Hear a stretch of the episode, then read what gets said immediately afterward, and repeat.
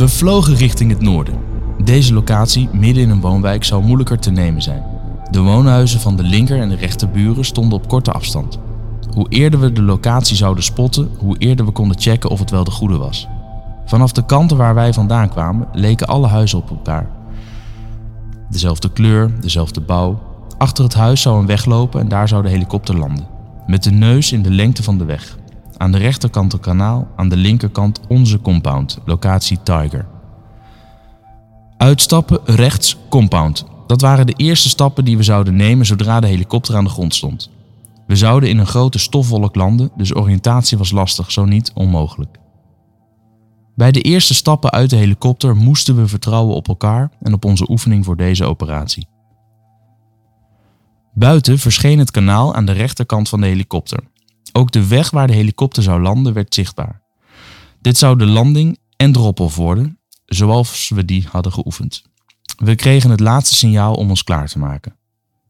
Totaal onverwacht nam de helikopter enorm sterk in snelheid af en maakte hij een draai van 90 graden naar rechts, alsof de piloot plotseling aan de handrem had getrokken, terwijl hij een bocht inzette. En dit was niet volgens plan. Ben Jelle Drijver. Dankjewel dat je luistert naar deze Jelly Driver podcast. Vandaag is mijn gast Roderick Gutgens. Hij schreef het boek Teamability met als ondertitel Zo creëer je super gemotiveerde teams. Al van jongs af aan heeft hij een buitengewone interesse, zeg maar gerust fascinatie, voor de korps commandotroepen. Inmiddels is Roderick een volwassen interim manager, maar de belangstelling voor de commando's en vooral hun teamwork is gebleven. Van jeugdig dagdromend en enigszins naïef naar de meer zakelijke, rationele belangstelling. Hoe doen ze dat eigenlijk in werkelijkheid? Dit zijn teams bestaande uit mannen van vlees en bloed en niet de actiehelden van tv. Deze mannen moeten in soms onvoorstelbare en extreme condities toch het hoofd koel weten te houden en hun opdracht, de missie, succesvol volbrengen. Hoe zijn deze teams en de teamleden zo ontwikkeld? Want wat deze teams in de praktijk laten zien is de ultieme vorm van agility, oftewel maximale flexibiliteit in en aanpassingsvermogen aan de steeds veranderende omstandigheden. Eigenlijk de ultieme vorm van high-performance teams. Zitten wij in het bedrijfsleven niet ook in constant veranderende omgevingen en willen wij niet ook graag elite teams, zoals die van de Korps Commando troepen? Het antwoord daarop is wat Roderick betreft volmondig ja. Uiteraard wil elk bedrijf dat. Je kunt de termen vijand dan vervangen voor concurrent en uh, vijandig door competitief. De principes zijn naar zijn mening gelijk. Hoe dat verder allemaal zit en wat jij eraan kan hebben, dat hoor je zo. Eerst wil je natuurlijk weten hoe het is afgelopen met die commando's in die helikopter. Twee weken eerder. Onze compagnie van het Korps Commandotroepen was al een paar maanden met andere krijgsmachtsonderdelen op uitzending. Niet iedereen hoefde mee. Een aantal leden, onder wie ik zelf, moest eerst de specialistische opleiding afronden. Bovendien was dit een missie ter ondersteuning van de lokale bevolking. Verschillende troepen waren ter plekke om de lokale stabiliteit te waarborgen en niet om te vechten. Er waren genoeg mensen daar en er was op dat moment geen behoefte aan een groter detachement. Toch was het de laatste tijd onrustig in de normaal relatief vredige regio. In korte tijd sneuvelden twee Nederlandse militairen. één vlak bij het kamp, de ander tijdens een aanval in een naburig stadje. Deze aanvallen waren beter opgezet en beter gecoördineerd dan de aanwezige troepen daar hadden voorzien. De commandant ter plekke deed een verzoek om extra manschappen nu het dreigingsniveau hoger werd. Onder andere het aantal aanwezige commando's moest worden uitgebreid. De achterblijvers uit onze compagnie moesten zich klaarmaken voor vertrek. In de dagen die volgden bereidden we ons zo goed mogelijk voor. Mijn compagniegenoten en ik kregen met spoed additionele trainingen, lessen en materialen, specifiek gericht op de regio waar we naartoe zouden gaan. De jongens die er al zaten hadden vooraf een training van drie maanden gekregen op het gebied van contraterrorisme. De tijd hadden wij niet. Over een paar dagen zouden wij al vertrekken. Vijf dagen eerder. In het vliegtuig op weg naar het kamp hield iedereen zich rustig. We lazen wat en onze gedachten dwaalden af. Hoe zou het zijn? Wat zouden we gaan doen? Hoe zou de omgeving eruit zien? We dachten terug aan onze opleiding en training van de afgelopen dagen.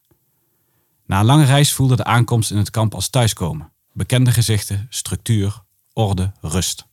Een warm welkom dat meteen vertrouwd aanvoelde, ondanks de onbekendheid van het gebied waarin we ons bevonden. Direct na aankomst kregen we een algemene intelligence update. Waar waren we? Wat speelde er in de regio en wat zouden we hier gaan doen? In algemene termen kregen we te horen hoe het ervoor stond. Onze voornaamste taak was het vergaren van human intelligence. Praten met de locals, om zo te weten te komen wat er speelde. Of er aanslagen op handen zouden zijn, wat mogelijke locaties van wapens zouden zijn, welke politieke discussies er werden gevoerd, etc. Vier dagen eerder. Na de twee uur durende update kregen we ons slaafvertrek toegewezen. Tijd om al onze spullen en materialen goed op te bergen. Gedisciplineerd ging iedereen aan de slag. Richtkijker op wapen, wapen in de kast. Nachtzicht kijken daar een trek. Scherfvest en operationsvest onder het rek. Magazijnen met munitie klaar voor gebruik, net als de bril en het lampje. Batterijen in de lader. Alles op vooraf bepaalde plaatsen in het rek. We konden het dromen. Als het nodig was, zou iedereen blind zijn spullen kunnen pakken en tot actie over kunnen gaan, zelfs in tijden van chaos. Daar waren we op getraind. Het is een vaardigheid waarop we kunnen vertrouwen in een verder onbekende omgeving vol onzekerheden. Tijdens de eerste volle dag op het kamp gebeurde er weinig. De algemene intelligence update van gisteravond laat werd voortgezet en aangevuld met detailupdates. De dag bood ons de gelegenheid om ons verder in te lezen op basis van status- en operatieupdates van reeds uitgevoerde activiteiten. Wie de verantwoordelijkheid over een ploeg commando's droeg, had de gelegenheid zijn jongens beter te leren kennen. Daar werd direct een van de fundamentele wijzigingen in het missieplan zichtbaar. Er waren nu twee volwaardige commandoploegen in plaats van één. Een positie die ons in de regio meer slagkracht zou geven. Drie dagen eerder. De relatieve rust van de eerste dag werd op de tweede dag verstoord toen er belangrijke en geverifieerde intelligence binnenkwam. De mogelijke plegers van de aanslagen op de twee gesneuvelde collega's waren geïdentificeerd en er was betrouwbare informatie binnengekomen over hun verblijfplaats. Na uitvoerig overleg werd van hoge hand besloten dat er een Special Forces operatie moest worden ingepland met als doel hen te arresteren. De binnengekomen intelligence bevatte voldoende informatie om over te kunnen gaan tot actie en handelen. Onze template voor dit soort operaties bestaat uit beveiliging buitenring, beveiliging binnenring en instap. De omgeving wordt veiliggesteld, dat is de binnen- en de buitenring, en een team voert de arrestatie en de huiszoeking uit, dat is de instap, om daarna samen weg te gaan. Dit is onze vaste werkwijze van speed, action en surprise. Maar deze operatie zou anders zijn. Uit de intelligence was gebleken dat de mogelijke aanslagplegers waren verdeeld over twee locaties in een naburig stadje. Volgens de template zouden we die locaties simultaan aandoen, dus ook met een dubbele hoeveelheid teams. Hiermee konden we voorkomen dat mensen van locatie A de mensen van locatie B zouden inzijnen. Maximale speed, action en surprise dus. Maar ondanks de recente uitbreiding waren wij met te weinig commando's om voldoende teams te kunnen vormen. Daar kwam bij dat de beoogde verdachten zich mogelijk met geweld konden verzetten. Overwicht was van cruciaal belang. We besloten bovendien deze operatie niet s'nachts uit te voeren, zoals we normaal graag doen. Uit ervaring wisten we dat in de zomer de dorpsbewoners s'nachts allemaal buiten zouden zijn. Het risico op vroegtijdige ontdekking, nevenschade of ongewenste bemoeienis van de bevolking was te groot. De operatie moest dus overdag plaatsvinden. En gekozen werd voor het moment waarop de meeste mensen op bed zouden liggen om te rusten. Twee uur s middags, als het buiten 54 graden Celsius zou zijn. We stonden voor een uitdaging. Twee dagen eerder. Bij het bespreken van mogelijke uitvoeringen van deze operatie ontstond het plan van een Near Simultaneous Approach. Met behulp van een Engelse Chinook-helikopter, twee Nederlandse Apache-helikopters, twee compagnieën van de luchtmobiele brigade en twee teams van de explosieve opruimingsdienst zouden de twee adressen worden aangedaan met minimale tijd tussen beide locaties. Locatie A kreeg de naam Puma, locatie B Tiger. De twee locaties lagen ver genoeg van elkaar af. We zouden bij Puma onopvallend ons werk kunnen doen. En dat moest wel snel. De opdracht voor de commando's was veiligstellen, verdachten oppakken en boeien. Daarna zouden we de locatie overdragen aan een ploeg uit de compagnie van de luchtmobiele brigade. Zij zouden de huiszoeking voor hun rekening nemen en de verdachte vervoeren naar het kamp. Door op deze manier te werk te gaan, zouden we binnen 10 minuten weer in de Chinook zitten op weg naar Tiger. Daar zouden we dezelfde actie herhalen met als verschil dat we daar wel zelf de huiszoeking zouden uitvoeren. En zo creëerden we alsnog voldoende teams. Twee commandoteams, waarvan één aanvalsteam dat op beide locaties de arrestatie zou uitvoeren en één team dat op beide locaties de binnenring van de locatie zou beveiligen. Twee teams van de luchtmobiele brigade die de verantwoordelijkheid kregen over de buitenring van beide locaties en de huiszoeking bij Puma. De commandoteams werden per helikopter op beide locaties afgezet om maximale snelheid te bereiken. De teams van de luchtmobiele brigade kwamen over land met hun gepantserde voertuigen, de Patria's. Met dit plan creëerden we, binnen de mogelijkheden die we hadden, toch de voordelen van speed, action en surprise. Nu was het zaak de operatie goed voor te bereiden. Terwijl onze commandanten ploegen uit de compagnieën van de luchtmobiele brigade briefden over hun taak en een Chinook reserveerden, gingen wij aan de slag met de detailplanning. Waar wilden we landen? Hoe moest de helikopter dan gepositioneerd zijn? Wie zou als eerste de helikopter verlaten? Op welke manier? Welke obstakels zouden we tegenkomen? Hoe zouden we daarmee omgaan? Wanneer en bij welke stap moesten we de ploegen van de luchtmobiele brigade ter plekke zijn? We wilden zoveel mogelijk weten, want op datgene wat je weet kun je je voorbereiden. Zoals bij elke operatie wilden we ook nu domineren. De beginfase zou cruciaal zijn. Op dat moment zouden we alles nog in de hand hebben. Hoe langer we dat kunnen blijven domineren, hoe beter. We verzamelden intelligence over beide locaties. Er werd een Apache-helikopter ingezet voor locatieverkenningen. En dat leverde sterk gedetailleerde informatie op.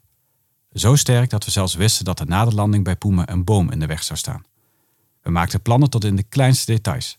We planden zelfs wie hoe lang op welk moment de takken van die boom opzij zou houden.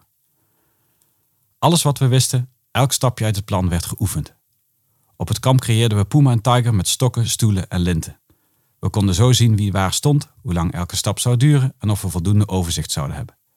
De plaatsen in een helikopter werden verdeeld en de manier van uitstappen werd geoefend. Verschillende what-if scenario's werden doorgenomen. Wat als er geschoten zou worden? Wat als er onverwachts andere mensen bij de actie betrokken zouden raken? Wat als de ingang geblokkeerd zou zijn? Welke alternatieven zijn er dan? We oefenden onze communicatie en de codes die we zouden gebruiken. Alles wat we wisten werd uitvoerig geoefend, besproken, bediscussieerd en bijgesteld in het plan. Bij onvoorziene omstandigheden had de ploegleider hiermee meerdere scenario's op zak om controle over de situatie te houden en zijn mannen nieuwe directieven mee te geven. Stap voor stap schaafden we het plan bij en vulden we het aan. Iedereen had het volste vertrouwen in een succesvolle afloop. Eén dag eerder. Smiddags stond de uitvoering van de operatie gepland. Wij waren er klaar voor. Vanaf dit punt moesten we vertrouwen op elkaar, onze oefeningen en ons plan. Ochtends arriveerde de Chinook. Die gaf ons de gelegenheid nog een paar stappen met de helikopter te oefenen. Daarna maakte iedereen zich gereed voor vertrek. De laatste persoonlijke uitrustingstukken pakken, water bijvullen, munitie controleren, batterijen checken. Precies zoals we dat tijdens de opleiding hadden geleerd. Er ging een positieve sfeer in het kamp. Dit gingen we doen. De helikopterpiloot besloot nog één laatste oefenvlucht uit te voeren en startte de motor van de helikopter om hem binnen een paar seconden weer uit te zetten. Er was een probleem met de koeling van de motor, uitgerekend op dit moment. De helikopter was relatief zwaar beladen en met deze hitte kon de motor het niet aan zonder een goede koeling. Dit probleem was serieus en stond operatiesucces in de weg. Het mankement bleek niet simpel op te lossen. Op zijn vroegst zou de helikopter één dag later operatie gereed zijn. De mogelijke consequenties van dit mankement waren groot. Niet alleen was dit de knauw voor de moraal van de teams die klaar stonden voor vertrek, ook de beschikbaarheid van een helikopter op een later moment was niet vanzelfsprekend. De helikopter stond voor vandaag gepland en zijn inzet moest opnieuw worden aangevraagd. Als die niet beschikbaar zou zijn, zou de operatie niet doorgaan. De uitvoering. Ochtends. Positief nieuws. Het kapotte onderdeel van de helikopter kon worden gerepareerd. En er werd opnieuw een go gegeven voor de operatie. Die middag zouden we het plan gaan uitvoeren. Niets stond ons nu nog in de weg. 13 uur 40 op weg naar Puma. De Chinook steeg op. De operatie was eindelijk begonnen. Het zou 20 minuten kosten om bij locatie Puma te komen. En vanuit de Apaches die met ons meevlogen kregen we regelmatig updates over de locatie. Er waren geen dreigingen, geen ongewenste omstandigheden. Alles zag er goed uit. Voor de teamleden die een paar dagen eerder waren gearriveerd, was dit de eerste vlucht boven dit landschap. En het uitzicht was indrukwekkend. Veel zand, grote palmbomen, mooi gebouwde huizen met verzorgde tuinen van de lokale sheiks. De manschappen in de helikopter waren echter met hele andere dingen bezig. Welke stappen doen we zodra de helikopter is geland? Wie staat er dan naast mij? Zit die persoon ook nu naast mij in de helikopter? Waar zitten de riemen die ik los moet maken om uit te kunnen stappen? We keken elkaar aan en zagen dat iedereen voor zich het plan de revue liet passeren en zijn taak in dat plan in gedachten uitvoerde. Als hij dat doet, dan doe ik dat. Als dit klaar is, gaan we die kant op. Iedereen nam zijn taak even serieus. We wisten dat we op elkaar konden vertrouwen. 1400 uur uitvoering locatie Puma. De helikopter landde in een grote stofwolk. Zoals we hadden geoefend, rende het eerste team de helikopter uit. We zagen geen hand voor ogen en vertrouwden erop dat de piloot de helikopter had neergezet op de positie die we hadden afgesproken. Toen de stof was neergedaald, konden we ons oriënteren. De akker waarop we waren geland bleek een vreselijk knollenveld. De achterklep van onze helikopter kon daardoor na de landing niet helemaal open. Verder was er van dreiging geen sprake. Dit ging goed. De aanvalsploeg kwam direct achter het eerste team aan en zonder problemen bereikten we Puma. De deur waarvan we dachten dat we die moesten opblazen was al uit zijn voegen geslagen, waarschijnlijk door de wieken van de helikopter. Volgens plan stelde de eerste ploeg zich razendsnel op om de omgeving van Puma in de gaten te houden. We keken naar de ramen en controleerden de daken op mogelijke dreigingen. Niets. De aanvalsploeg was al naar binnen gegaan en voerde daar zijn taken uit. Ondertussen hield onze commandant, die optrad als de commander on scene, contact met onze man bij de ploeg van de luchtmobiele brigade, die onderweg was naar deze locatie. Binnen enkele minuten waren zij ter plekke. Twee verdachten werden gearresteerd en in de boeien geslagen. En direct daarna werd locatie Puma overgedragen aan de luchtmobiele brigade. De twee commandoteams snelden terug naar de helikopter om het tweede gedeelte van de operatie uit te voeren. Locatie Tiger. Er waren zeven minuten verstreken sinds de landing van de helikopter. 14 uur 7, op weg naar Tiger. Twee dagen eerder hadden we berekend dat de actie op locatie Puma ons 10 minuten zou kosten. Wij hadden nu tijdswinst en dat was gunstig, want in deze operatie zou elke seconde tellen. In de helikopter voelden we de positieve energie. Conform plan zat iedereen nu op een andere plek in de helikopter. Bij locatie Tiger zou de aanvalsploeg de helikopter als eerste verlaten, gevolgd door het veiligheidsteam. Als er dan toch contact was geweest tussen locatie Puma en locatie Tiger, was hier een verhoogde dreiging. En als het moest, zouden we vanuit de helikopter meteen de aanval openen. Door de raampjes van de helikopter konden we de huizen van de beoogde woonwijk al zien liggen. We probeerden ons te oriënteren. Hier leken alle huisjes op elkaar, dezelfde bouw, dezelfde kleur. Aan de rechterkant van de helikopter lag het kanaal. Aan de linkerkant de weg waarop de helikopter zou landen. Perfect voor ons plan. 14 uur 27. Landing bij Tiger. Op het moment dat de helikopter zou landen, maakte deze plotseling een draai van 90 graden naar rechts. En er volgde een schok. De helikopter was geland. De achterklep ging open en we zagen een grote stofwolk. Dit was niet volgens plan. Het leek alsof de helikopter schuin stond. En in een flits zagen we water door het linker en het rechterraam. Dit klopt niet. Het water hoort alleen aan de rechterkant te zijn. Niet twijfelend renden de eerste mannen van de aanvalsploeg de stofwolk in. Uitstappen rechts, compound. Ze hielden deze drill aan, renden over het asfalt, maar beseften al snel dat deze niet overging in de grond waarop de compound zou staan. Eén moment waren ze een oriëntatie kwijt. Ze stonden niet bij de voordeur, maar aan de zijkant van het huis. Tijd voor verwarring hadden we echter niet. Terug richting de helikopter en achter de mannen aan die wel rechtdoor gingen. Blind. Want de stofwolk verhinderde nog steeds een goed zicht op locatie Tiger. We vertrouwden erop dat de mannen voor ons wisten welke kant we op moesten. Vaag zagen we de helikopter haaks op de weg staan, met zijn achterwielen op het asfalt en de voorwielen zwevend boven het kanaal. De achterklep stond open pal tegenover de ingang van locatie Tiger. Langs de weg liep een elektriciteitskabel. Te dichtbij. En onmiddellijk begrepen we waarom de piloot op het laatste moment het landingspatroon had gewijzigd. 14 uur 31 onverwacht bezoek. In de stofwolk renden we naar de locatie Tiger. Onze aanvalsploeg stootte door naar binnen om de mogelijke aanslagplegers te arresteren. En precies op het moment dat wij ons gereed maakten voor onze taak buiten, de bewaking en de verdediging van de binnenring, kregen we onverwachts bezoek. Als schreeuwend liep een man de tuin van locatie Tiger in. En direct richtten wij onze geweren om een mogelijke aanval af te slaan. In een split second maakten we de afweging vuurgevaarlijk, bomgevaarlijk of niet gevaarlijk. Wetende dat we niet zomaar konden en mochten schieten. En in diezelfde split second trokken we de conclusie niet gevaarlijk. We werkten de man tegen de grond en boeiden hem. We keerden snel terug in positie, want we hadden voor deze operatie een taak te vervullen. De aanvalsploeg was al binnen en wij waakten over de veiligheid van buitenaf. 14 uur 36. Rust. Of toch niet? Negen minuten na de landing kwam de aanvalsploeg met vier arrestanten naar buiten. Succes voor de missie. Even leek de rust terug te keren, tot vanuit het niets een vrouw onophoudelijk hard begon te gillen. En weer stond iedereen op scherp. Wat betekende dit? Alarmeerden ze handlangers uit de buurt of was ze volledig in paniek? Ook nu maakte iedereen razendsnel de aangeleerde afwegingen. Een paar teamleden ontfermden zich over haar zodat de rest van de ploeg zijn taak kon blijven doen. De tweede ploeg van de luchtmobiele brigade was inmiddels aangekomen bij locatie Tiger. Door alle commotie waren een paar plekken in de buitenruimte nog niet gecontroleerd. Dat moest onmiddellijk gebeuren. Onze commandant nam die taak voor zijn rekening. Terwijl wij zorg droegen over de binnenring van de locatie, zorgde de luchtmobiele brigade voor de veiligheid van de buitenring. Zoals gepland duurde onze aanwezigheid op deze locatie langer. Op locatie Tiger werd de huiszoeking door commandoleden uitgevoerd. Sommige teamleden die de buitenruimte nu bijna een uur beveiligden, kregen last van de hitte. Water drinken en blijven communiceren met elkaar is dan essentieel.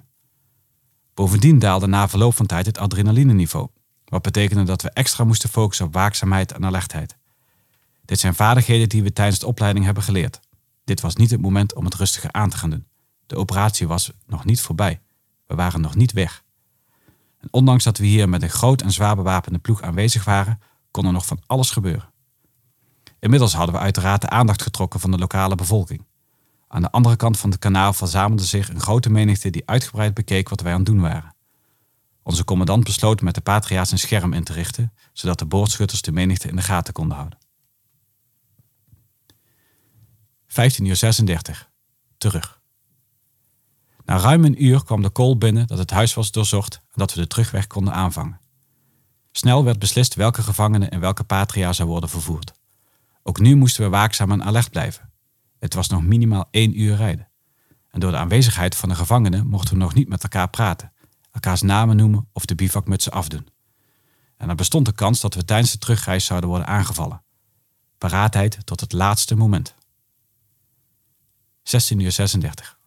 Operatie geslaagd. Gedurende de terugtocht bleef het gelukkig rustig. Op het kamp droegen de gevangenen over aan ons hoger niveau.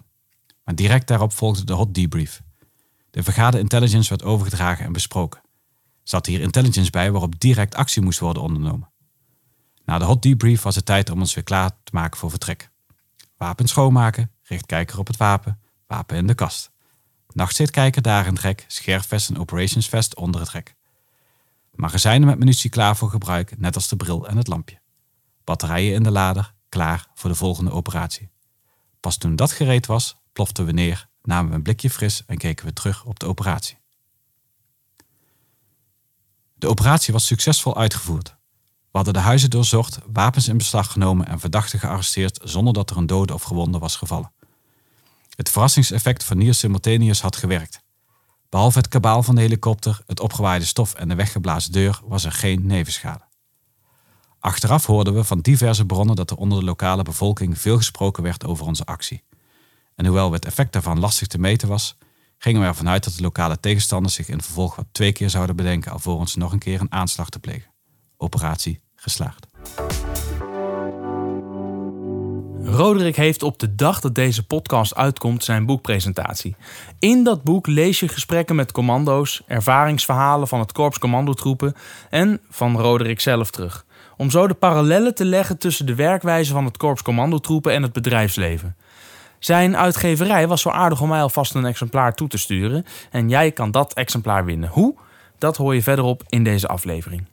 Ik ben Jelle Drijver. Mijn gast is de schrijver van het boek Team Ability, Roderick Gutgens. Wat een verhaal, hè? Wat een verhaal, ja. En het, het, het klinkt bijna als een ehm, heel spannend jongensboek. Maar dit is gewoon een waargebeurde missie verteld door iemand van de commando's. Ja. ja. Toch gaat jouw boek. ehm, nou ja, hè, het heeft raakvlakken met commando's, maar jouw boek gaat niet over de commando's. Nee, dat klopt.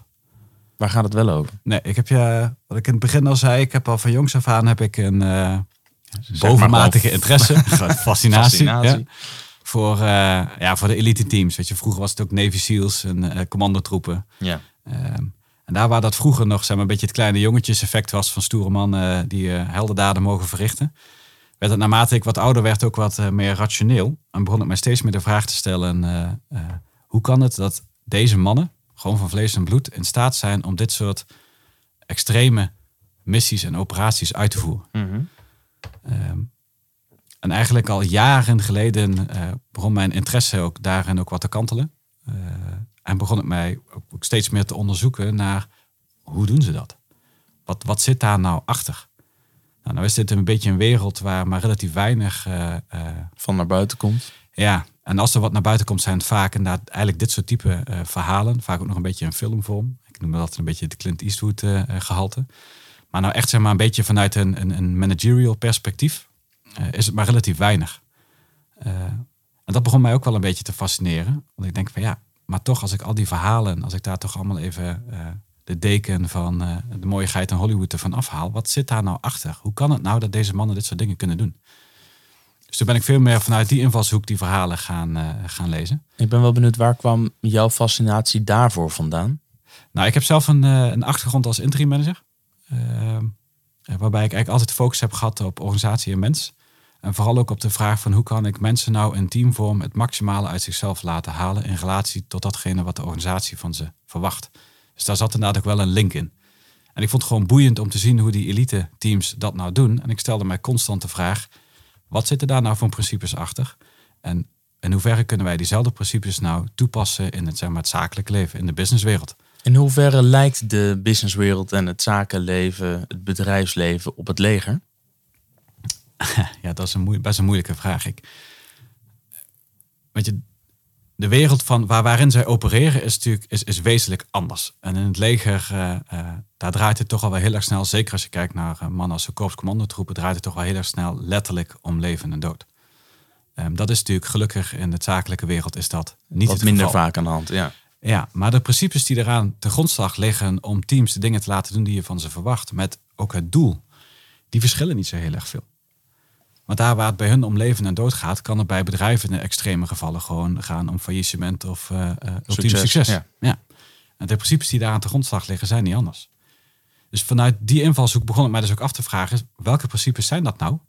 En in hoeverre kunnen we die nou toepassen in een zakelijke wereld? En dat is wat je terug ziet komen in het boek. Is nou, door jarenlang eh, in eerste instantie heel veel te lezen, ontstond er een bepaald beeld bij mij. En eh, eh, nou, ik heb van het Korps Commandotroepen heb ik anderhalf jaar geleden eh, de kans gekregen om eigenlijk die beelden ook te komen toetsen bij hun. En te leren van hey, hoe doen zij nou de dingen? Nou, dit is zo'n operatieverhaal wat daar een mooi voorbeeld in is. Hoe doen ze dat nu? En hoe verschilt dat ten opzichte van hoe de zakelijke wereld daarmee omgaat of mee om zou moeten gaan? Wat heb je dan bijvoorbeeld, wat heb je dan bijvoorbeeld getoetst? Ehm, nou, mijn, mijn hypothese bij het schrijven van het boek was ook steeds dat het, ehm, ehm, dat schrijf ik in het begin ook. Ik geloof er heel erg sterk in dat op het moment dat jij de cultuur van een team beheerst, en dat heeft dus alles te maken met, eh nou, als je het helemaal plat slaat, houding en gedrag van mensen. Maar als je dat beheerst, dan kun je daarmee ook het resultaat beheersen. En dat vond ik ook wel een, een, een hele belangrijke eye-opener, omdat ik ook vanuit mijn eigen ervaring als interim manager heel vaak zie dat er een enorme focus ligt op het resultaat, bijna bij all means. Eh, maar dat er geen rekening wordt gehouden in het feit dat je dat uiteindelijk wel moet bewerkstelligen met mensen. En dat je ervoor moet zorgen dat mensen in het juiste standje komen om uiteindelijk dat resultaat te kunnen behalen. Ja, je hebt het in je boek over cultuur als drijvende kracht. Ja. Cultuur bepaalt alles. Ja. Ja. Vertel. Alles. Nou ja, zet een groep wildvreemde mensen bij elkaar en er ontstaat een cultuur. Er ontstaan patronen, mensen gaan met elkaar praten, er ontstaat een bepaalde eh, soort gemeenschappelijke taal. Eh, je hebt er mensen bij zitten die pakken een vorm van leiderschap. Er ontstaan hiërarchie. Eh, nou, als het maar lang genoeg duurt, ontstaan er op een gegeven moment ook wat processen en procedures van omgangsvormen. Of we gaan het zo doen, of we gaan het zo doen. Dat ontstaat gewoon als vanzelf. Hoef je niets aan te doen. Niet meer dan zet een groep mensen bij elkaar. De groep gaat zich splitsen. De vraag of het effectief is in relatie tot wat zo'n groep zou moeten bereiken, dat is een heel ander verhaal. Eh, alleen de grap is dat als je dan ziet wat eh, cultuur dan maakt, als je dan praat over nou, die processen, procedures, hiërarchie, eh, de wijze van communiceren, als je dat afpelt, dan zijn dat allemaal onderdelen die je heel rationeel kunt gaan benaderen. Daar kun je afspraken over maken, daar kun je dingen mee doen, dat kun je dus heel bewust sturen. En daarmee kun je dus ook heel bewust sturen naar een cultuur die je nodig hebt om als team datgene te kunnen bereiken wat je moet bereiken. Van harte gefeliciteerd, want jij bent jarig vandaag. Oh dear. Ja, dat ja, toch? Ja. En wie jarig is, trakteert. En, en, en, en nou ja, in dit geval, eh, eh, jij samen met je uitgever Thema, de uitgeverij van Schout en Nelissen, hebben één exemplaar van jouw boek Ja. Team Ability. Zo vorm je extreem gemotiveerde teams beschikbaar gesteld als, eh, nou, als tractatie, hè, als, als weggever. Ja. Ja, dus ehm, eh, alleen ja, hoe bepalen wij dan weer aan wie we dat moeten geven? Ik wil de luisteraar van harte uitnodigen om een toffe review achter te laten op iTunes over deze aflevering van eh, deze Jelly Driver podcast. Want, eh, die wij de luisteraar laten hebben. zingen, dat gaat niet werken. Nee, dat gaat Nee. niet werken. Nee, Nee, dan nee. ben ik bang dat we heel weinig inzendingen krijgen. Eh, als je nou zegt, ja, maar ik luister via Spotify of via Soundcloud. Ja, dat kan natuurlijk, geeft helemaal niks. Stuur dan een e-mail naar info.jelledrijver.nl of deel gewoon mijn podcast op social media. Tag mij daarin, @jelledrijver. En onder alle uitgevoerde acties zullen we één exemplaar verloten. Dus nou, dan komt hij nog één keer, gewoon omdat het kan. Van harte gefeliciteerd met je verjaardag, eh. Roderick. En Dankjewel. eh, superleuk dat je er vandaag bent om te praten over jouw boek Team Ability. Graag gedaan. Ja, en als je dat niet stuurt en maar aan de groep overlaat, dan, eh, dan wordt er altijd wel iets bereikt. Maar het is de vraag of dat het doel is wat jij... Precies. En dan gaat die groep mm, wellicht suboptimaal zichzelf organiseren, als Ja. je het maar loslaat. Precies. Eh, Ik schreef net op Expeditie Robinson, vind ik eh, een mooi voorbeeld. fascinerend. Ja, dat is een mooi voorbeeld. Als je daar mensen op een onbewoond eiland bij elkaar zet, dan zie je inderdaad al gauw dat er Ja. eh, inderdaad een leider Ja. wordt gekozen of de, dat toe-eigent en wat dat met mensen doet. Ja. Zowel met die leider als die wordt aangewezen, als wanneer die toe-eigent, wat doet dat met de rest. En je ziet ook dat die, die groepen zich gaan organiseren waarbij het lang niet altijd optimaal is. Hè? Maar dat is makkelijk praten als, Ja. als kijken naar het programma. Nee, maar je ziet, je, ziet, je ziet daar heel sterk ontstaan dat ehm, het merendeel van de wrijvingen bij Expeditie Robinson, ik kijk het programma ook heel graag, maar veel van de wrijvingen die je daar ziet ontstaan in zo'n groep hebben dus ook helemaal niets te maken met wat iemand letterlijk doet, dus vanuit zijn inhoudelijke skills, maar hoe die dat doet en vooral hoe die dat doet in relatie tot de andere mensen in zijn groep. En dat zie je bij leiderschap is dat natuurlijk altijd heel erg mooi om te zien. Als je daar, eh, nou, je, hebt, je hebt daar door de jaren heen allerlei verschillende varianten van leiders inderdaad voorbij zien komen. En de ene is heel directief en heel erg taakgeoriënteerd en de andere is wat meer mensenlievend. Dat heeft allemaal effect. En ja, je krijgt wat je zaait. En dat is natuurlijk in relatie tot, tot met cultuur is dat dus ook zo. Op het moment dat je niet heel expliciet bezig gaat zijn met de cultuur in jouw team, dan ga je daar de effecten van merken. En bij het Korps Commandotroepen merk je dan dat, dat die effecten heel ver en heel extreem kunnen zijn, zelfs tot op leven en dood. Dus vandaar dat zij ook heel sterk ook, ook sturen van het begin af aan al in de opleiding op dat cultuuraspect. Dat is waarom dat kernwaarden bij hen ook zo belangrijk is, want dat, dat vormt gewoon bij hun nou, het centrale ding van waaruit alles wordt opgepakt. En wat zijn die kern, kernwaarden? Vertrouwen. Ja, moed, beleid, vertrouwen. En er zijn er nog twee. Oké. Maar En, en daar, die bepalen ook de cultuur. Ja.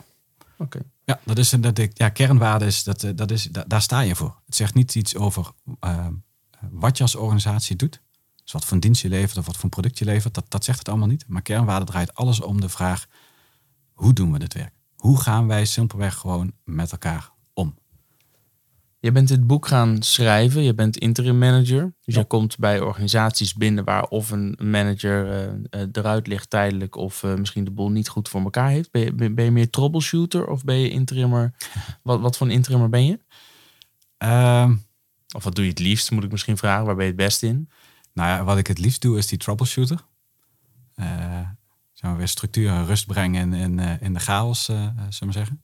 Dat is wat ik wat voor het grootste gedeelte wel als interimmer heb, eh, heb gedaan. Waar in die rol, wat heb jij zelf aan dit boek gehad in die rol als interimmer? Dus welke lessen, zeg maar, door jouw zoektocht en door het schrijven van dit Ja. boek en, en het onderzoeken van hoe gaat dat bij de commando's? Ja.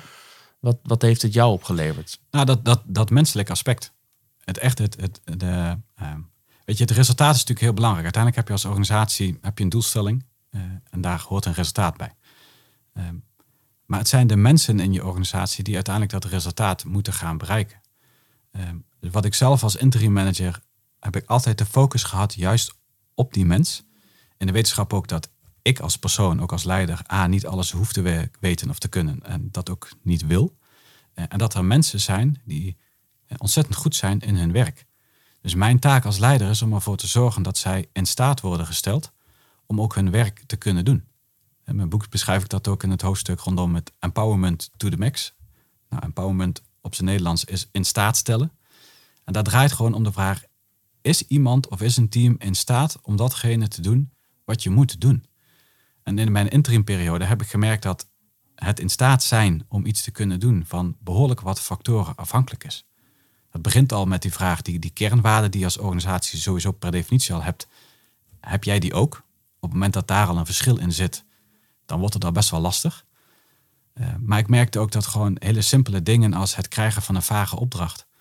Uh, dat zaken als, als, ja, weet je, je vraagt mij van alles en nog wat, maar de materialen waarmee ik moet werken zijn niet afdoende om dat te kunnen gaan bereiken.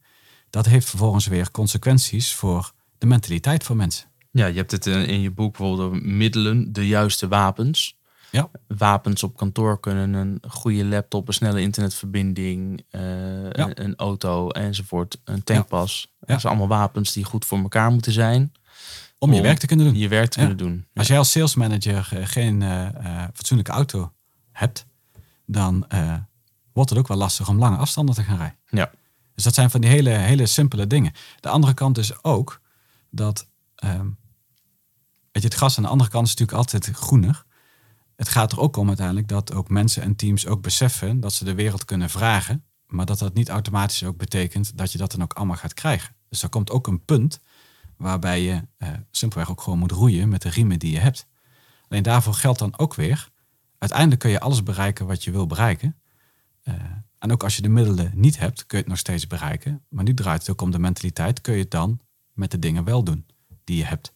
En dat zou als consequentie kunnen hebben dat het bijvoorbeeld wat langer gaat duren. En dan zit je op zo'n cultuuraspect is van ja, maar ik wil resultaat boeken, ik wil het morgen allemaal hebben. Ja, ik kan het overmorgen voor je bereiken. Daar moeten we wel met elkaar over kunnen praten. En dat vraagt ook weer een stukje vertrouwen van elkaar. Dus die dingen die zijn heel erg met elkaar verweven. Dus terug naar jouw vraag van wat heb je, daar, wat heb je als interim manager aan gehad?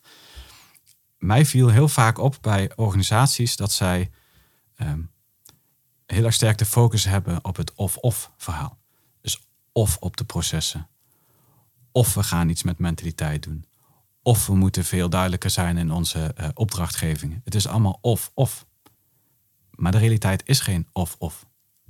Als ik een vage opdracht krijg, heeft dat consequenties voor het vertrouwen wat mensen hebben. Het vertrouwen wat mensen hebben, heeft weer consequenties voor de wijze waarop ze in de wedstrijd zitten, dus hun mentaliteit. Die mentaliteit heeft weer consequenties voor de vraag: voel ik mij voldoende beschermd? Heb ik de beschikking over al die middelen? Hoe kijk ik daar dan tegenaan? Dus het is geen of-of verhaal. Dus je kunt dat ook niet, vind ik, geïsoleerd benaderen. Als jij een verandering wil doorvoeren of je wil jouw team naar high performance, dan moet je dat integraal benaderen. En niet alleen maar op segmenten. Je zegt nu high performance. In je boek zeg je high performance is een werkwoord. Ja. Leg eens uit. Ja, je bent. Ja. Er zijn zoveel uh, situaties denkbaar en ook niet denkbaar die effect hebben op de vraag of je als team je werk kan doen. En dat betekent dat je het ene moment alles tot je beschikking hebt en dus echt als een high performance team kunt acteren. En het andere moment lukt dat een stuk minder. Dus high performance is een constante loop waar je als team constant aan moet werken. Het is niet iets van een bepaalde status wat je bereikt en dan ben je er en dan jippie, ik ben een high performance team. Nou, dat is hartstikke mooi. De wereld ziet er morgen heel anders uit, wat betekent dat je op dat moment helemaal geen high performance teams meer bent. Om je een heel simpel voorbeeld te geven wat je in organisaties veel ziet. Op het moment dat de teamsamenstelling verandert, dus of iemand gaat weg, of die wordt vervangen, of er komt een extra teamlid bij, of de leider wordt anders, dan is meteen de dynamiek meteen weer anders. En dat kan meteen weer consequenties hebben voor de vraag, kan ik als high performance team werken? Kan je nog een ander mooi voorbeeld geven? We hadden in het voorgesprek hadden we het even over uh, uh, Jocko Willink met zijn podcast. Die heeft een boek geschreven en in zijn boek geeft hij een heel mooi voorbeeld. Tijdens zijn training moesten ze met van die grote rafts de zee op. En nou, dat zijn al een aantal rafts. En die zee, dat is daar in Amerika met enorm hoge golven. Dat is eigenlijk bijna met die rafts niet eens tegenop te gaan. Er waren twee rafts. Eentje, die ging succesvol door de golf heen. En de andere, die viel de hele om. Totdat ze dus een grapje gingen uithalen. Het was echt een grapje. Uh, bij ze de leiders van die twee teams gingen omwisselen. Mhm. Dus Je voelt de, hem al aankomen. Even de dynamiek. Ja, precies. Je voelt hem al aankomen. Drie keer raden wat er gebeurt. Het succesvolle team keept de hele tijd om. En het minder succesvolle team ging dwars er doorheen. En alleen de leider was, was gewisseld. En dat was in dit geval alleen de leider. En je zou zeggen, gewisseld. dat team had toch in de gaten daarvoor hoe het succesvol kon. Ja, dat zou je denken. Ja. En toch sloegen ze ineens om. En toch sloegen ze om. Want er is iets in de dynamiek veranderd. In dit geval de leider. Die heeft dus weer een andere stijl. Die let misschien wel weer op hele andere dingen. Dus die dynamiek wordt anders. Ik denk, waarom heeft, waarom heeft die leider niet gewoon gezegd... jongens, jullie weten al hoe het moet. Dus wat jullie net hebben gedaan, gaan we nu gewoon weer doen. Precies op dezelfde manier. Ja, nou dat is, dat is de, eh, dat noem ik een beetje de, de papieren utopia. Dat is wat je natuurlijk op papier wil bereiken. En dat jouw team, nou dat ze eigenlijk gewoon blind de zaken van elkaar kunnen overnemen. Eh, nou, je hoorde het net ook even in dat eh, eh, verhaal over Puma en Tiger. Hè. Dat is dat absolute blinde vertrouwen wat je in elkaar wil bereiken. Maar ja, dat je, laat ook realistisch wezen. Dat kun je natuurlijk nooit zo extreem eh, bereiken. Het is makkelijk, ook wederom makkelijk praten vanaf de zijlijn. Juist. Voor wie heb je dit boek geschreven? Nou, eigenlijk voor iedereen die geïnteresseerd is in, in het echte teamwork. Ehm, ik geloof er wel heel erg sterk in dat eh, eh, met name teamleiders en teamcoördinators, dat zijn vaak wel degenen die in een positie zitten om eh, heel expliciet met teamwork aan de, aan de slag te gaan. Dus in de basis is het voor hun georiënteerd. De grap is dat we in de tijd toen met, met de uitgever, toen we het gesprek ook hadden van op wie gaan we ons focussen, hadden we ons eigenlijk een beetje gefocust op met name de mannelijke teamleider en teamcoördinator. Ook een beetje vanuit het korpscommandotroepen, toch een beetje masculine wereld. Maar de grap is dat we eigenlijk gaandeweg het eh, schrijftraject, eh, nou, hield je het ook eens tegen andere mensen aan. En toen kwamen we er ook wel achter dat er ook steeds meer eh, vrouwen in dat soort posities ook heel veel interesse hebben in, in dit boek. Dus dat is eigenlijk een beetje de doelgroep van dit boek. Daarnaast merken we ook wel dat mensen die zelf expliciet werken in, in teams, vaak ook wel heel erg geïnteresseerd zijn in dit boek, omdat ze daarmee in potentie ook iets hebben waarmee ze eens in gesprek kunnen gaan met hun eigen teamleider. Oké. Ja. We kunnen niet het hele boek eh, gaan behandelen in deze podcast. Zou Nee. zonde zijn, want als, eh, dan, Je moet het lezen. ja, je moet het lezen. Maar het is wel erg leuk om het erover te hebben. En ik wil, wil je vragen om gewoon op een paar onderwerpen in het boek eens, eh, is met me in te zoomen. Zo heb je in hoofdstuk 4, deel 2 is dat, Defining the Mission. Daar heb je ergens een hoofdstuk No plan survives the first contact with the enemy. Ja, dat klopt.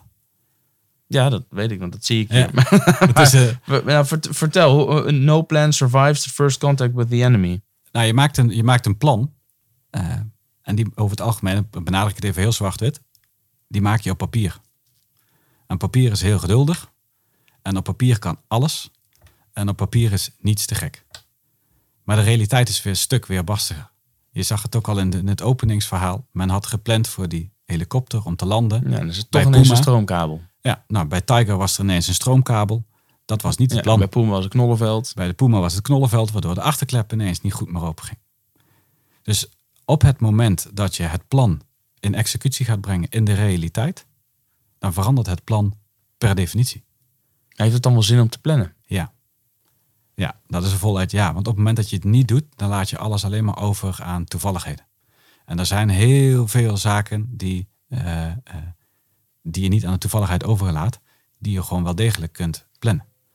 En waar het bij dit soort dingen om gaat, en dat is wat het Puma en Tiger verhaal ook duidelijk maakt zeg maar, in de voorbereiding, is dat je neemt een aantal uitgangspunten en daarmee ga je je plan opstellen. Maar het oefenen, het toetsen van dat plan aan de realiteit, eh, is minstens zo belangrijk om te kijken van hey, zijn de uitgangspunten die we hebben genomen, kloppen die wel en moeten we die niet gaan bijstellen? En op het moment dat je een dergelijk soort iteratieslag gaat krijgen, dan weet je dat je eigenlijk je plan van hoe het zou moeten gaan, die ga je koppelen aan de realiteit, waardoor op een gegeven moment het plan zelf een steeds grotere kans van slagen gaat krijgen. Omdat het gebaseerd is op meten en meten is weten. Helder. Gewoon doen. Eindje verder. Creëer bescherming, hoofdstuk 5. Daar heb je het op een gegeven moment over de functie van hiërarchie. Ja, Wat Ja, is de functie van hiërarchie? heb je even. Nou ja, beknopt. Ja, de... Mij valt op dat in, in heel veel organisaties is er de discussie over hiërarchie. Ja, maar je ziet overal platte organisaties. En, en nou, Dus hè? we gaan allemaal platte organisaties maken. Nou ga ik daar geen enkel oordeel over vellen, want dat kan ik niet, want ik ken dat soort situaties niet.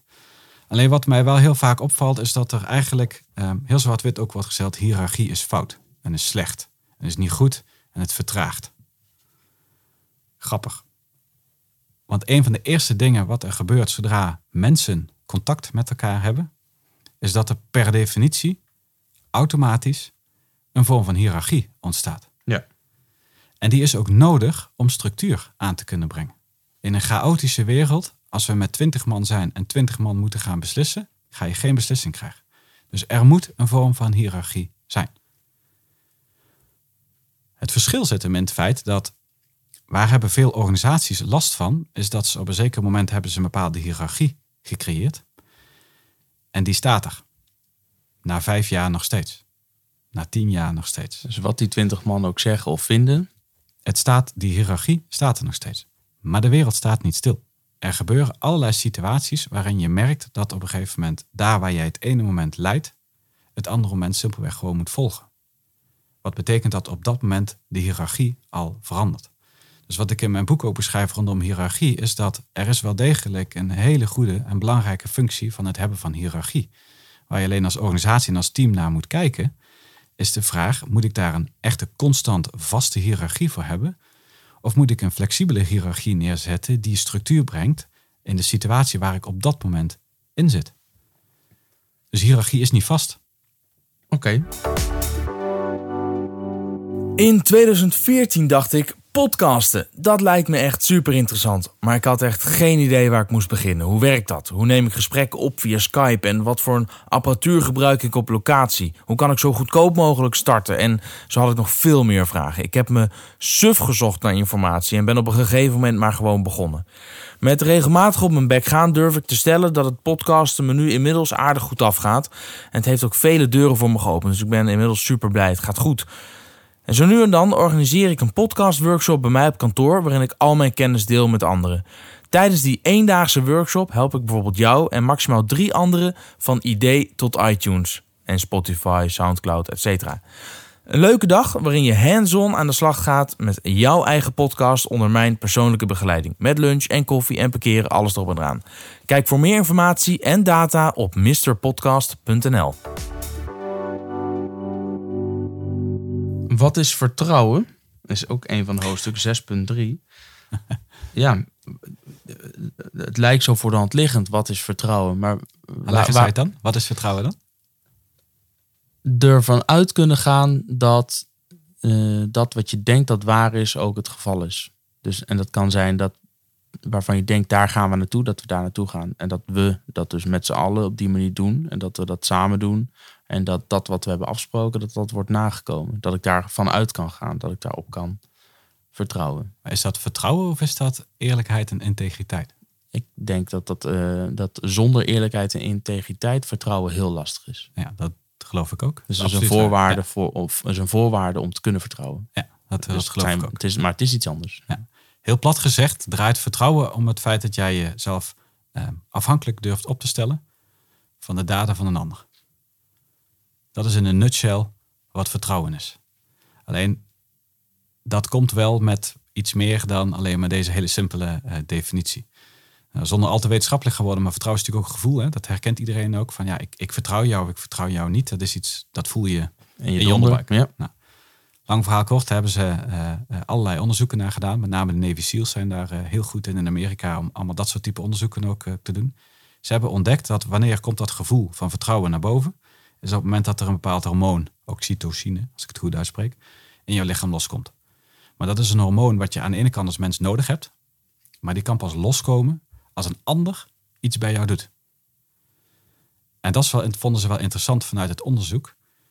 Vanuit de hypothese dat hey, als het een hormoon is wat ik nodig heb om iemand te kunnen vertrouwen, maar dat hormoon komt alleen maar los als iemand anders iets bij mij doet, onder welke omstandigheden komt dat hormoon dan los?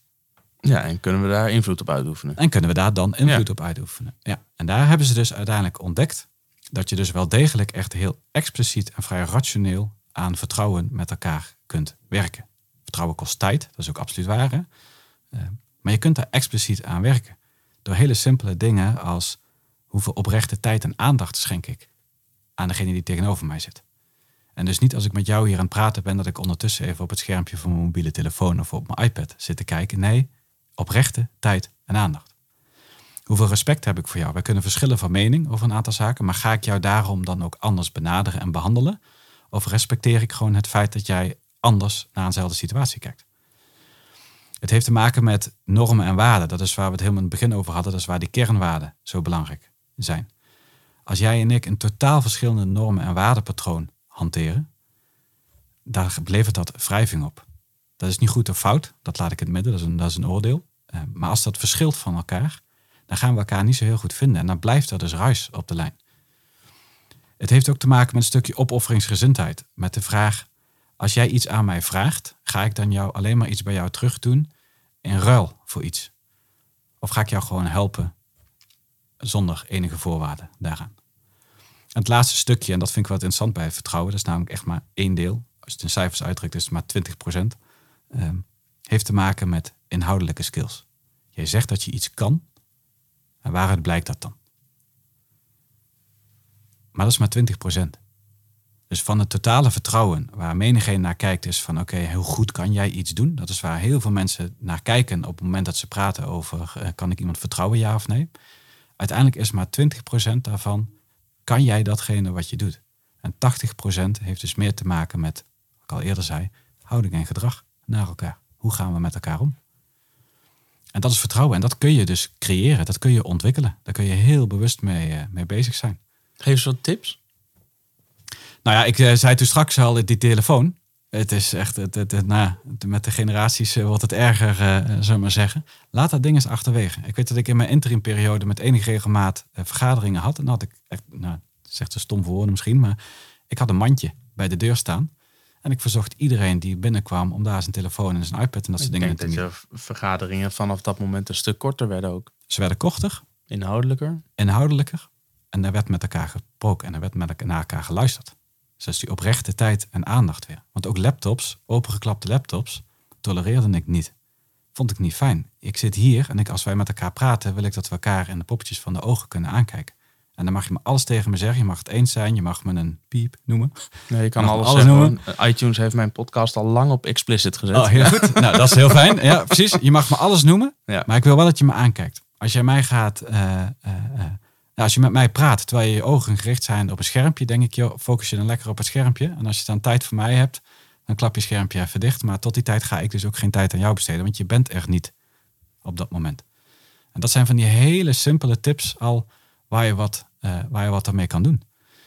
Wat er ook op mij speelt is, is ehm, dat, dat, ik heb daar nog niet helemaal de vinger op gelegd, maar we hadden het net even over die eerlijkheid en integriteit.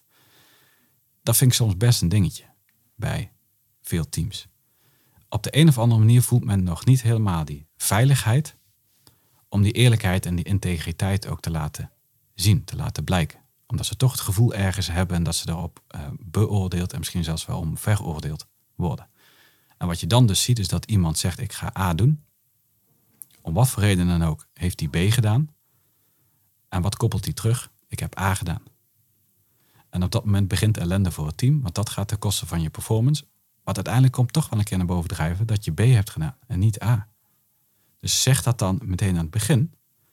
Want A, daar kun je er als team iets mee doen. En B, dat is ook heel goed voor het onderlinge vertrouwen. Want je durft je ook kwetsbaar op te stellen. Dat je toch iets anders hebt gedaan. En dat is heel belangrijk. Gevoel leidt tot emotie. Ja. Is dat erg? Nee, dat gebeurt. En, en wat, wat bedoel je daarmee? Ja. Um, we hadden het net over dat hormoon. Iemand doet iets bij jou. En dat levert een bepaald gevoel op. Ja. En dat gevoel is er. En dat mag ook zijn. Kun je helemaal niks aan doen. Niemand kan daar wat aan doen. Iemand heeft iets gedaan. En jij voelt daar iets bij. Ja.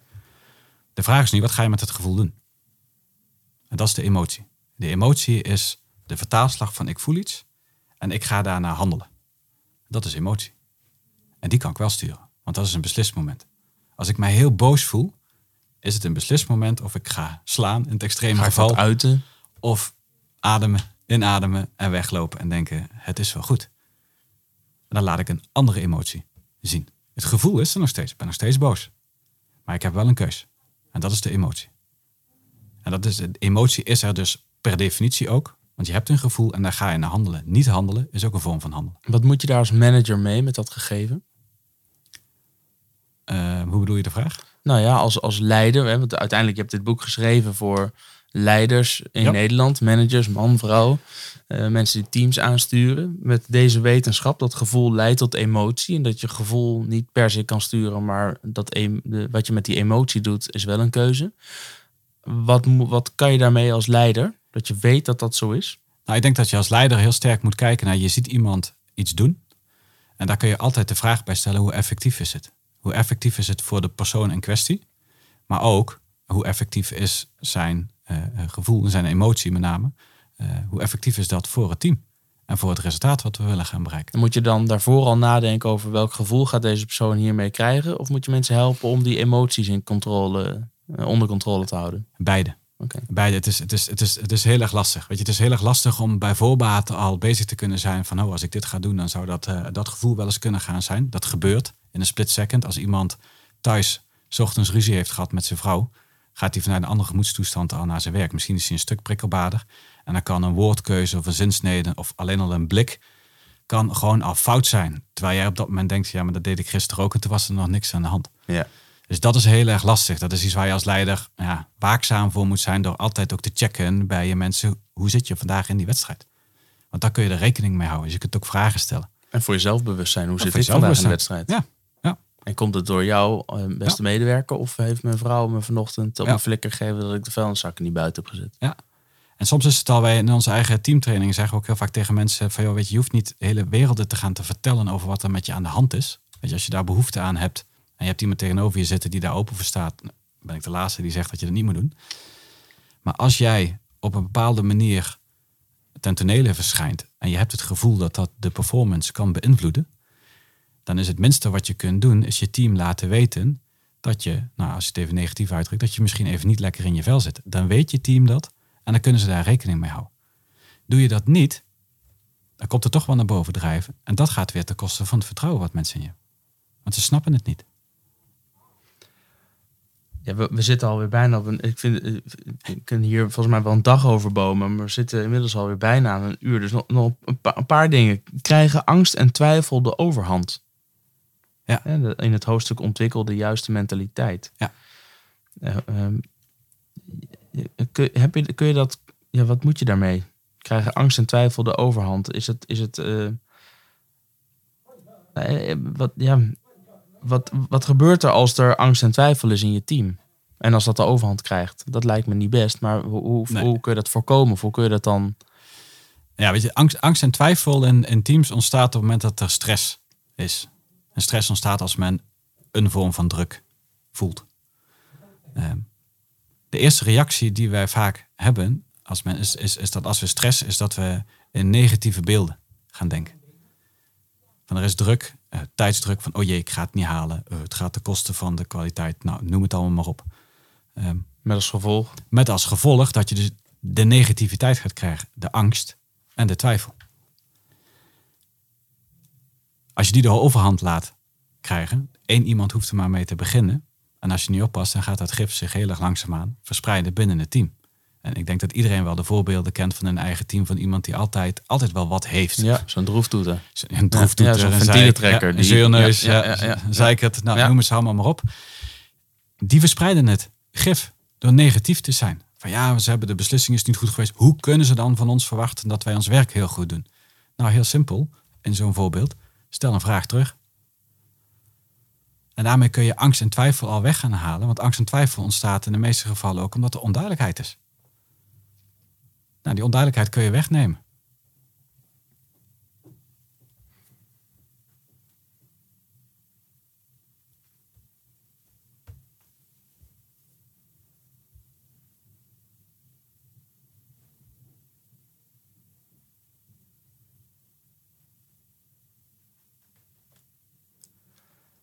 Zo richting de afronding. Als je nou... Ik, dat is eigenlijk onmogelijk bij dit boek. Eh, ik wilde vragen, als je nou drie... als- eh, eh, welke drie dingen hoop jij dat een lezer van dit boek in elk geval meeneemt? Het is je kan nooit het hele boek onthouden. Je kunt nooit het hele boek toepassen in je organisatie. Maar welke lessen uit je boek hoop je dat er blijven hangen als mensen het gelezen hebben? Nou, de eerste les waarvan ik hoop is dat men nog beter begrijpt wat de rol van de mens is in het bereiken van het resultaat. Uh, en dat is een, een, een sec focus op resultaat je er niet gaat brengen. Uh, dat is de belangrijkste les.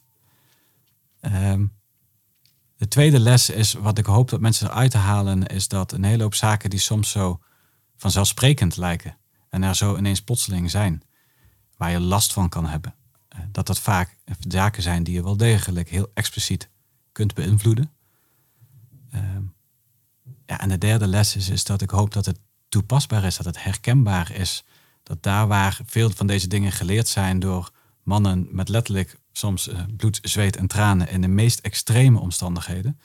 Dat zijn dan gelukkig omstandigheden die wij in het zakelijke leven niet als such zullen kennen.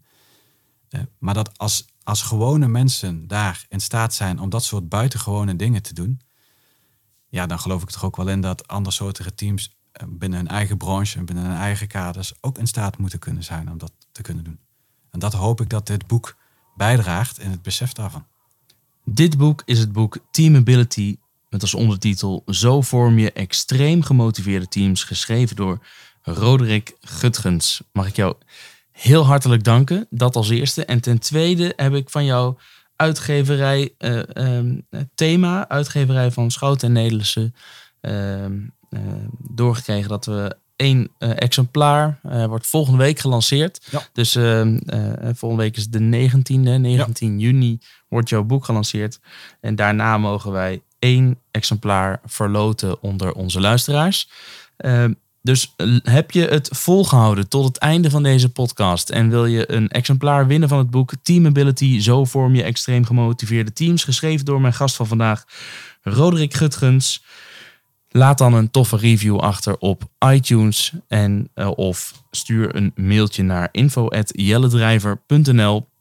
Ik kan je alvast voorspellen, als je een dikke vette review achterlaat, dan maak je nog meer kans. Nee hoor, onzin. Nee, we gaan onder alle mensen die of een mailtje sturen of een review achterlaten, gewoon één boek verloten. En dat doen we. Uh, ik kan het nog filmen eventueel. We gooien alle namen in een hooghoed en trekken er gewoon eentje Dus wil je een exemplaar van Team Ability thuis ontvangen, een, een, een echt exemplaar, geen e-book, maar eentje die je in de kast kan zetten en waar je samen met je teams dus doorheen kan bladeren om te kijken hoe krijg ik mijn team extreem gemotiveerd. Laat een review achter of uh, stuur een e-mail naar info.jellendrijver.nl. Roderick, mag ik jou ontzettend bedanken voor het delen van je inzichten, voor het toezenden van dit boek, voor het beschikbaar stellen van een exemplaar op weg te geven en natuurlijk voor je komst naar mijn kantoor hier in Utrecht. Ja, graag gedaan en dankjewel voor de uitnodiging. Jelly Driver Podcast.